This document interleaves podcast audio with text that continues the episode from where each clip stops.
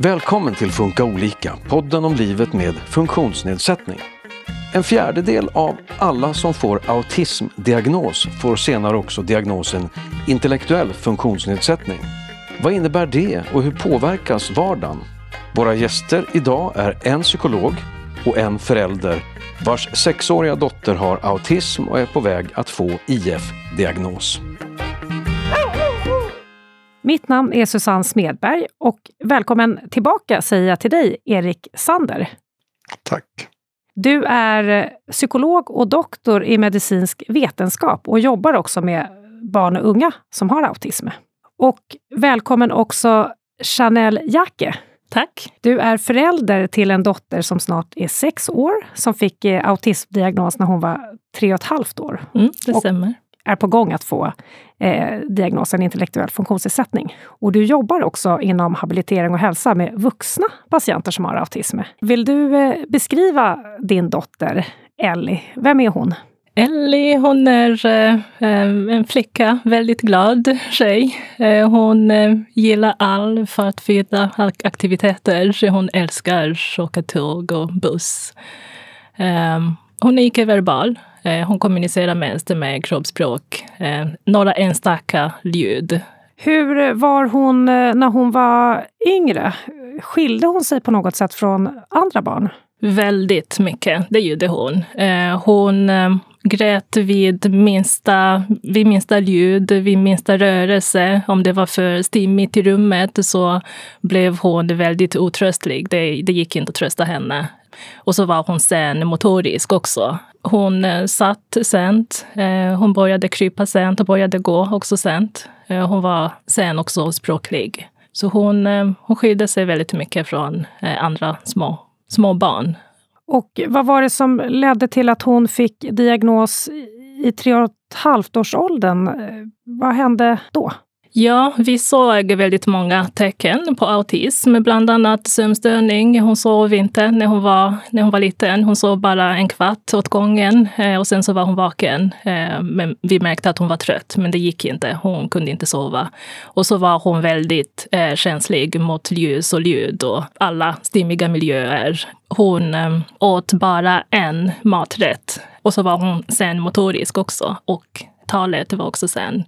Eh, och då var det just då vi sökte hjälp för, eh, för utredning. Och då kom man fram till att hon har en autismdiagnos och då var hon tre och ett halvt när hon fick diagnosen. Hur eh, kände du då när ni då äntligen fick diagnos på Ellie? Det var, det var lycka Eh, för oss eh, i och med att vi hade kämpat i tre och ett halvt år. Eh, och just den dagen så fick vi till och med melatonin för sömnen. Det är medicin för att hon ska kunna somna. Så det var jättekul för oss. Vi, vi firade. Vi kände att äntligen så har någon sett Ellie. Erik, är det vanligt så här som för Chanels dotter som ändå har ganska tydliga tecken att man får diagnos så här sent som vid tre och ett halvt års åldern? Eller när brukar man få diagnos? Ja, som svar på den första delen av frågan, ja tyvärr, det är vanligt. Och jag har försökt att hitta information om när man brukar få diagnos i, Sverige och jag vet faktiskt inte att det finns någon sån generell sammanställning. Det finns en studie från Stockholm och då var väl medelåldern ungefär mellan sju och nio år eller något sånt. Eh, och det hänger lite grann ihop med, eh, tänker jag, dels då hur man administrerar barnhälsovård och, och barnpsykiatri och sådär. I, I Stockholm har man ju 18 månaders kontrollen. Och det, det brukar vara för tidigt. De flesta BVC-sköterskor och barnläkare de är obekväma med att, att peka ut någon som att någon skulle eventuellt eh, kunna ha autism i den åldern. Även när föräldrarna är oroliga. Och sen är nästa kontroll inte förrän vid tre år. Ja, eh, just vid 18 månaders kontroll så nämnde vi själva autism, diagnos, i och med att vi såg väldigt många tecken som stämde in. Eh, Och vi kände oss bekväma med att hon skulle kunna få den diagnosen så tidigt. Och jag förstår att ibland så kan så kanske blir det för känsligt för BVC-personalen att nämna det för föräldrarna om föräldrarna själva inte har em, tagit upp frågan. Men just för oss så var det mer annorlunda att vi ville få det bekräftat. Det finns ju en känd barnpsykiater som heter Kristoffer Gillberg som har betytt enormt mycket för det här området i, i Sverige och internationellt. Han brukar säga så här, det finns ingen evidens för att vänta och se. Mm. Utan det är bättre att gripa in så fort man tycker att det behövs. Mm. Istället för att vänta och se. Hur är det i de här fallen som det handlar om flera diagnoser? Då? Är det vanligare att man får autismdiagnosen före intellektuell funktionsnedsättningsdiagnos? Det är nog vanligare att man först får autismdiagnosen. Men det finns en grupp barn som har kanske mer svårare intellektuell funktionsnedsättning Eh, och kanske sensoriska eh, svårigheter, alltså med syn och hörsel. Eh, och kanske har syndrom också som man har kunnat diagnostisera. Och de barnen kanske det är tvärtom för. Att man först får en utvecklingsförsening och sen får autismen. Är det några tecken man kan se hos personer som senare får även då IF-diagnos? Återigen är vi då avhängigt graden av intellektuell funktionsnedsättning. Hos många då det handlar om lindrig intellektuell funktionsnedsättning kanske det inte är jättetydligt och lätt att se sånt. Jag vet inte hur det var för Ellie men jag har träffat en del barn som har en tydlig intellektuell funktionsnedsättning redan vid, vid två års ålder och autism. Och det som ofta eh, utmärker deras beteende är ju att de de gör nästan ingenting. De fastnar i att kanske hålla på och fibbla med någon sak fram och tillbaks eller gå fram och tillbaks i rummet eller ha jättesvårt att liksom företa sig någonting konstruktivt och behöva hjälp med allting. Och sen finns det alla, alla, alla variationer däremellan. Hur, hur, hur var det för Ellie? Lekt, kunde hon leka? Ja, det kunde hon. Hon eh, kunde leka själv bredvid andra barn, eh, ja. vilket är väldigt typiskt autistiska barn. Eh, och det var svårt att, eh, att bedöma just då att hon har en, eh, en intellektuell funktionsnedsättning. Men de bedömde att det, det fanns vissa tecken och de ville att eh, man skulle göra en ny bedömning, vilket ska göras nu när som helst. Och nu, nu när hon har blivit lite äldre så har vi också sett att det finns tydliga tecken på, på IF. Och vad är det för tecken då som ni har sett? Det är också svårt att veta i och med att hon är icke-verbal. Eh, hon har inte talet, men det vi har sett att det, det är svårare för henne med problemlösning, eh, abstrakt tänkande. Sen vet man inte vad, vad som är autismen eller vad som är IF, intellektuell funktionsnedsättning. Och vad som är språket? Och vad som är språket, precis. I och med att hon inte kan uttrycka själv. Hon kanske har den här problemlösningen i huvudet men kanske inte får fram det i ord. Och det vet man inte. Men vi märker ändå att hon, eh, hon är ändå lite sen jämfört med barn i samma ålder eh, som kanske har bara en autismdiagnos. Så du säger en annan viktig sak där tycker jag eh, som är värd att poängtera och det är det här med uppföljning. Hon var tre och ett halvt år. Mm. Det, då är man är ganska liten då ändå. Mm. Och eh, det kan inte vara eh, den sista bedömningen man gör av hennes sätt att fungera.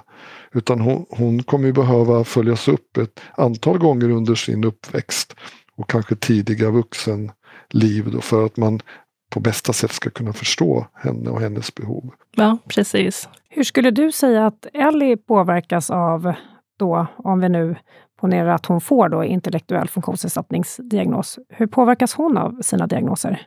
Ja, um, jag tror att det, det, handlar mer om just det vi, vi pratar om, om det, det sociala. Um, att hon har större svårigheter i, i det sociala. Och, det, och, och, då vet man inte vad som är vad, om det är autismen eller om det är IF eller om det är just den kombination som gör att det blir så svårt för henne. Hon vill jättegärna ta kontakt med andra barn, hon vill jättegärna leka med andra barn. Hon är väldigt framåt och då blir det kanske på ett fel sätt om man nu jämför med hur neurotypiska barn tar kontakt med varandra.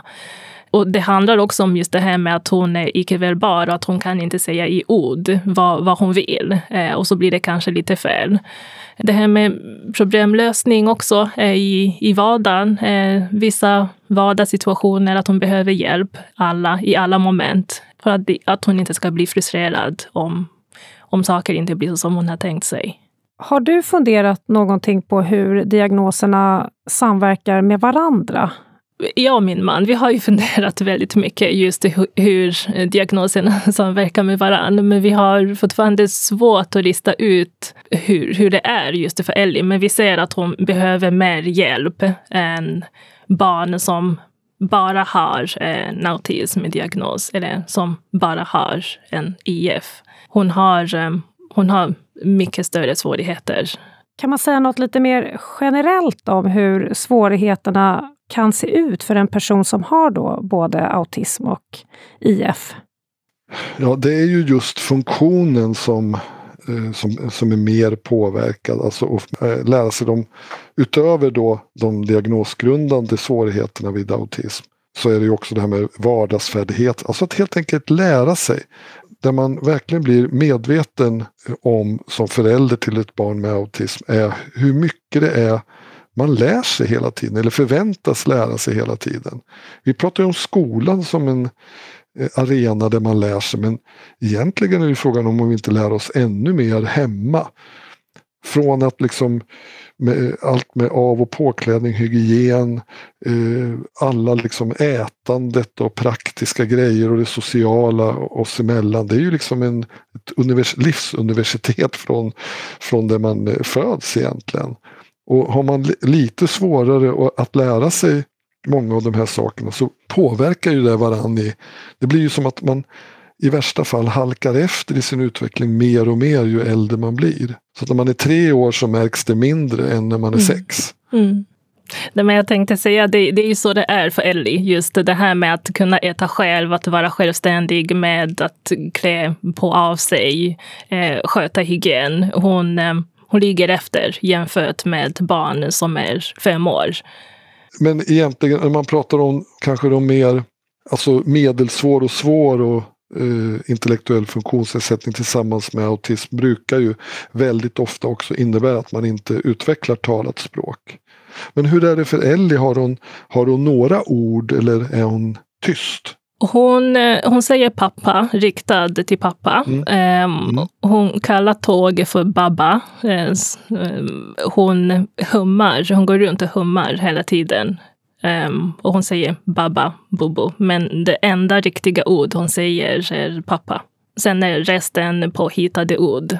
Precis, så, så det där med språket är ju, det, är ju, det tänker man väl i mångt och mycket en, en eget område då i det, det, kan man, man kan ha svårt med det utan att ha svårt med andra saker. Men, men har man en generell, eh, generellt svårare att lära sig så brukar det ju också påverka språket. Eftersom det är ju ett avancerat system där man måste lära sig mycket och komma ihåg mycket. Chanel nämnde ju också motoriken. Är det vanligt eh, just eh, vid de här samtidiga diagnoserna att ha svårigheter med motoriken? Ja, motoriken är väl Mm, den, man tänker ju att den är ju ganska ofta påverkad vid autism redan. Och vid intellektuell funktionsnedsättning eh, lika så då eftersom motoriken, ja det är ju, det är ju kroppens, hur ska man säga, kroppens begåvning på något sätt. Det är ganska avancerade, vi, vi består ju av massor av leder och muskler som ska liksom spännas och slappnas av i olika ordning för att man ska kunna göra vissa rörelser. Så det är klart, koordinationen där den är, ju, den är ganska hjärnkapacitetskrävande. Och hon var ju, du berättade ju att hon var ganska sen med att, att börja gå och krypa och sådär. Ja, precis. Ja. Och hon är, hon är fortfarande sen motorisk. Hon, hon kan gå upp för trapporna men inte ner för trapporna till exempel. Nej, nej. Ja. Så, och det, det, kan man ju tänka då, eh, den intellektuella funktionsnedsättningen kan ju möjligen ha, vara en del av det. Då. Alltså att det är svårare för henne att lära sig de sakerna.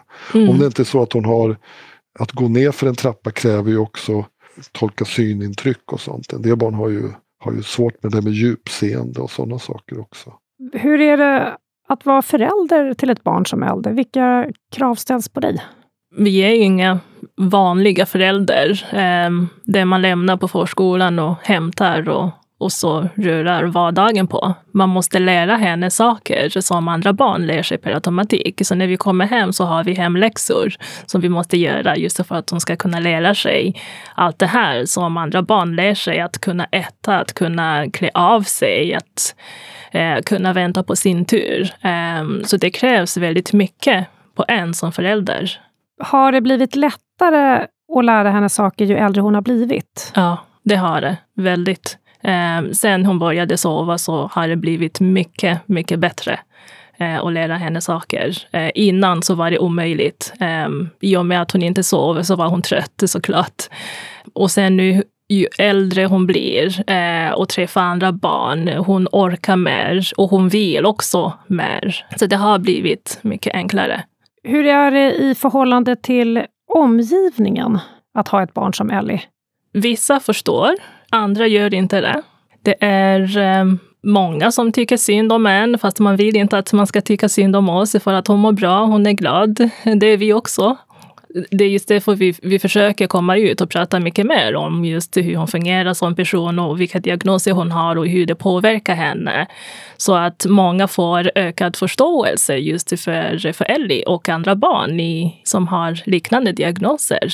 Och vad tycker du är viktigt att andra vet? Eh, just det här, den delen med icke-verbal, många tror inte att hon förstår, men Ellie förstår väldigt mycket. Vi, vi pratar svenska och en del franska hemma. Hon förstår allting som jag säger till henne på franska och eh, mycket mer på svenska såklart. Eh, svenska är dominerande. Eh, många tror inte att hon förstår, så de pratar över huvudet på henne, vilket kan vara jobbigt eh, för oss eh, och för henne också. För att hon förstår, hon hör, eh, men hon kan inte tala tillbaka. Så det är väldigt viktigt att andra förstår att bara för att ett barn är icke-verbal behöver inte eh, betyda att de inte förstår. För hon, eh, hon förstår väldigt mycket. Du sa att eh, det har blivit lättare med åldern och hon har också fått hjälp med sömnen sen hon fick diagnos. Är det något annat stöd ni har fått som har varit till hjälp för Ellie och er som familj?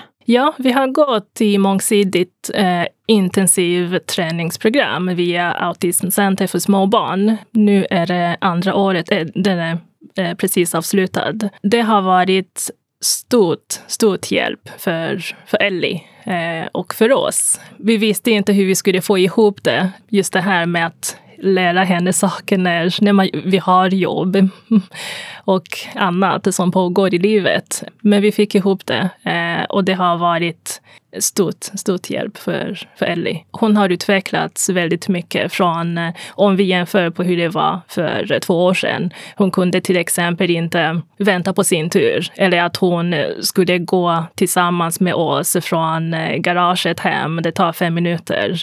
Det gick inte. Hon satte sig ner direkt. Eller just det här att kunna titta runt när man ska gå över gatan och vänta innan man gör det. Och nu kan hon göra det tillsammans med en vuxen såklart. Um, så det är väldigt mycket som hon har lärt sig. Hur har det fungerat i, i förskolan då genom åren för henne? När hon började så kunde hon inte gå. Så det var, det var jobbigt för henne såklart. Och i och med att hon var senmotorisk så kunde hon inte heller göra så mycket på förskolan som andra barn. Um, hon fick en resurs på 25 eller halvtid eh, innan hon fick eh, autismdiagnosen. Sen efter eh, hon fick diagnosen så fick hon en resurs på, på heltid. Hur fungerar hon socialt med andra barn och vuxna? Hon tyr sig mer till vuxna i början så, så kände hon att små barn var eh, oförlitliga. Det, det, går inte att förutse vad, vad de kommer göra, så hon var mer med vuxna och lite äldre barn. Men nu klarar hon av att leka med, eh, med barn eh, som är i samma ålder. Eh, hon eh, går fram till dem och putta till dem för att visa att nu är det dags att springa, för det är just det som hon gillar. De har lärt sig att, att läsa av hennes kroppsspråk. Men då är det just de barn som går på samma förskola. Eh, andra barn som vi träffar ute på gatan, hon gillar att hälsa på människor. Eh, då brukar hon vinka hej till, till eh, alla personer som hon möter, särskilt barn och lite äldre personer. Och då blir det också just det här att um, ja, varför hälsar du på mig? Vi känner inte varandra. Men just för henne, hon ser ett barn och då vill hon hälsa på barnet. Hur hanterar hon det här med att hon inte har något eh, talat språk? Det kan bli frustration. Just idag faktiskt så insåg vi att på på förskolan så får hon ett helt äpple eh, som hon äter själv. Och hemma så har vi delat i små delar. Och hon har varit frustrerad varje gång nu senaste två veckor och vi har inte förstått varför. Eh, men nu idag förstod vi varför hon ville ha ett helt äpple. Eh, så det, det kan ju vara just sådana saker som gör att hon blir frustrerad eh, när hon inte har ett talat språk. Hon vill egentligen berätta för oss att jag vill ha ett helt äpple. Så det kan uppstå sådana frustrationer ibland. Har du fått något stöd för egen del i din roll som förälder i förhållande till Ellie? Nej, men jag har fått erbjudande via Autismcenter. Jag har valt att tacka nej, eh, för jag har, ja, jag har min man. Men det finns, det finns stöd att få för dem eh, som vill det. Och det är väldigt viktigt att, att få stöd, för det, det kräver väldigt mycket, som jag sa, att vara förälder till ett barn med funktionsnedsättning. Det är inte så att man lämnar och hämtar och that's it. Man måste göra väldigt mycket och man måste ringa till olika eh, till vårdgivaren, till eh, förskolan. Man behöver ringa eh, ja, vad som helst. Försäkringskassan. Man behöver ta reda på väldigt mycket, göra ansökningar själv. Det, det tär på krafterna. Så är det. Och då är det väldigt viktigt att man får eh, prata av sig. Eh, och det är ju många som upplever en sorg, att det inte blev så som man hade tänkt sig. Det, det är många som känner sorg och då är det viktigt att kunna prata av sig och kunna hitta någon slags acceptans. Att, att det inte blev som man hade tänkt sig och hur man gör framöver. Hur känner du kring den delen med acceptans och sorg? Ja, um i och med att vi såg tecken på autism ganska tidigt så tror jag att jag var redan inställd på att hon skulle få en autismdiagnos. Jag hade inga föreställningar om hur ett liv med barn skulle vara. För mig blev det en naturlig del att jag, jag fick ett barn med autism. Du jobbar ju också inom habiliteringen ja. med vuxna personer med autism. Har det påverkat dig? Ja, precis. Eh, och jag tror att jag, det kan ju bero på att jag är van att träffa personer med funktionsnedsättning med autism eh, som har gjort att det har blivit mer eh, naturligt för mig eh, att jag inte kände att det, var, att det var jobbigt att få ett barn med, med autism. För jag, jag såg på ett ungefär hur ett liv skulle, skulle vara som förälder till ett barn med en funktionsnedsättning. Är det några sådana liksom, kunskaper från ditt jobb som du har med dig i förhållande till Ellie?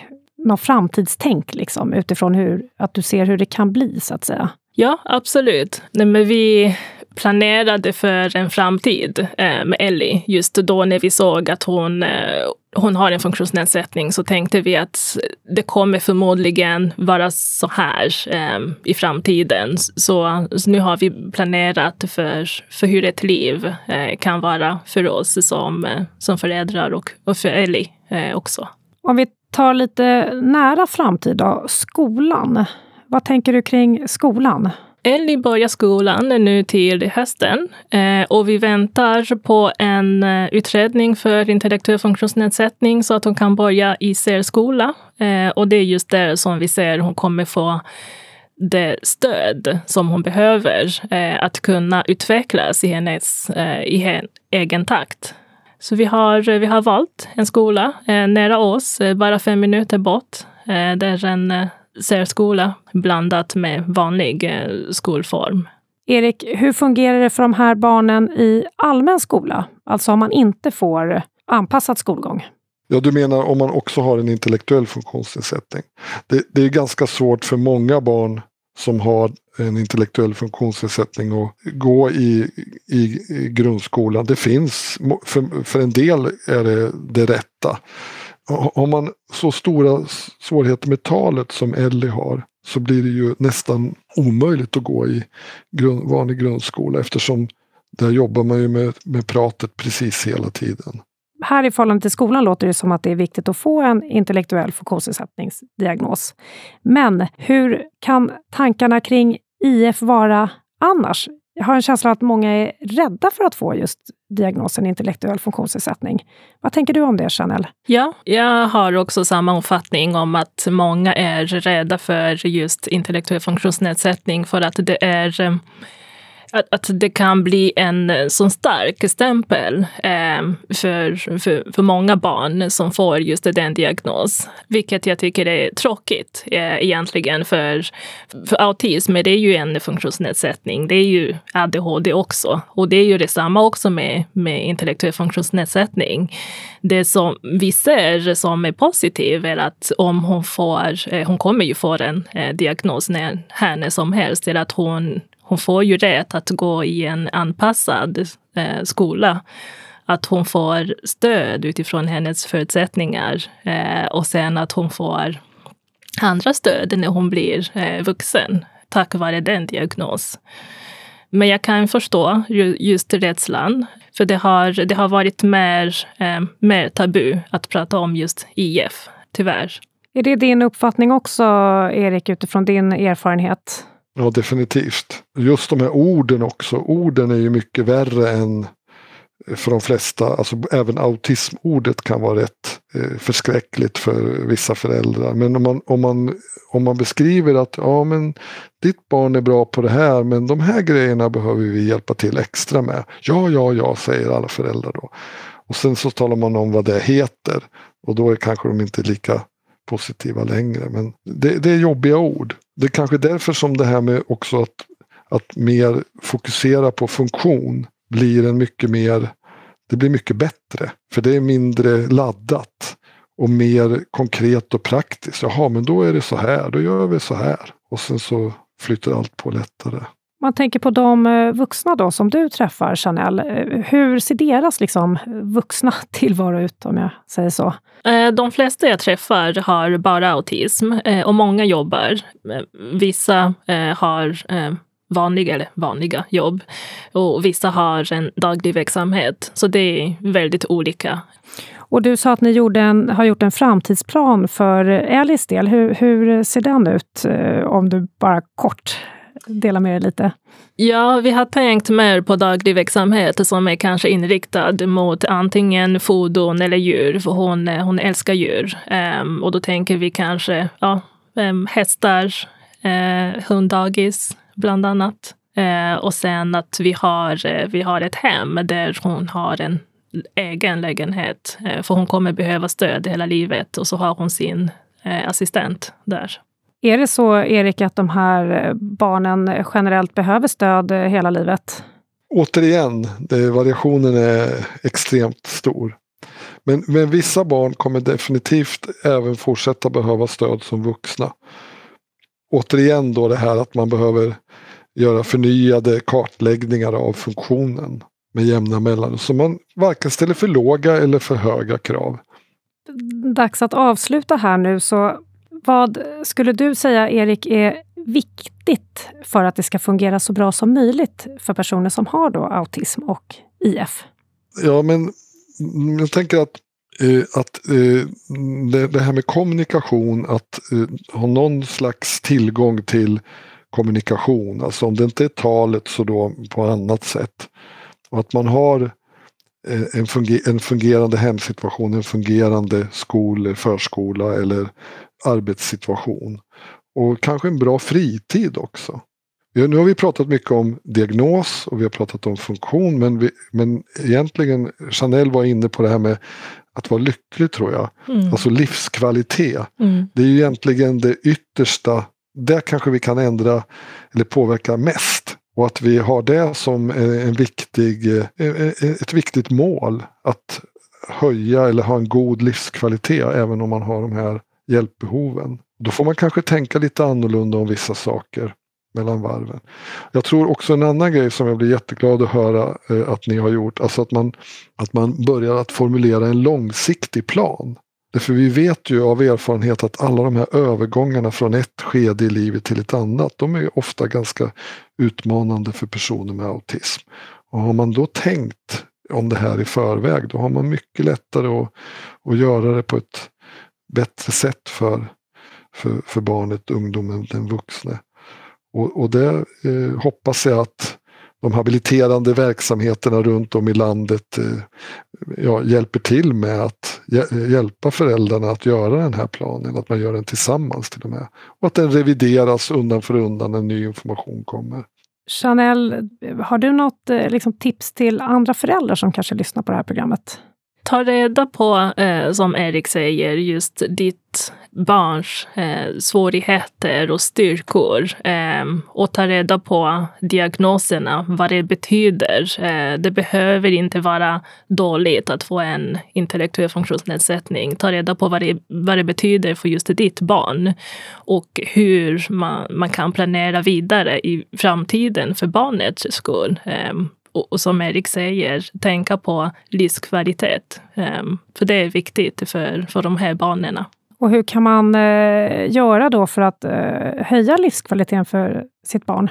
Eh, att inte jämföra sig så mycket med andra barn som, som inte har funktionsnedsättning. Eh, att man kanske inte tänker på att man behöver åka till Gröna Lund eh, för att många barn som är klarar inte av att vara i en sån miljö. Ta reda på vad ditt barn gillar och gör det tillsammans med barnet. Att man försöker lägga just de förutsättningar som man hade tänkt på hur det skulle vara. Man lägger det åt sidan och man tänker på hur, hur det är just nu. Vad, vad man har eh, för barn framför sig och försöker eh, göra om sitt liv utifrån barnet. Eh, för det, det, är det, det är det viktigaste. För det finns, eh, det finns tyvärr väldigt många, många barn med autism som mår dåligt. Och då är det väldigt viktigt att det, det finns en trygg hemmiljö. Då säger jag stort tack Chanel Jake, förälder till Ellie som är snart sex år och har autism och även snart IF-diagnos. Och du jobbar också inom habilitering och hälsa. Tack också Erik Sander för att du kom tillbaka. Eh, psykolog och eh, doktor i medicinsk vetenskap. Tack. Tack. Du har lyssnat på Funka olika, en podd från Habilitering och hälsa som är en del av Region Stockholm. Och det här var det sista programmet i serien om autism i kombination med annan diagnos. Nästa gång du hör oss pratar vi om tandhälsa hos personer med funktionsnedsättning. Vi hörs då!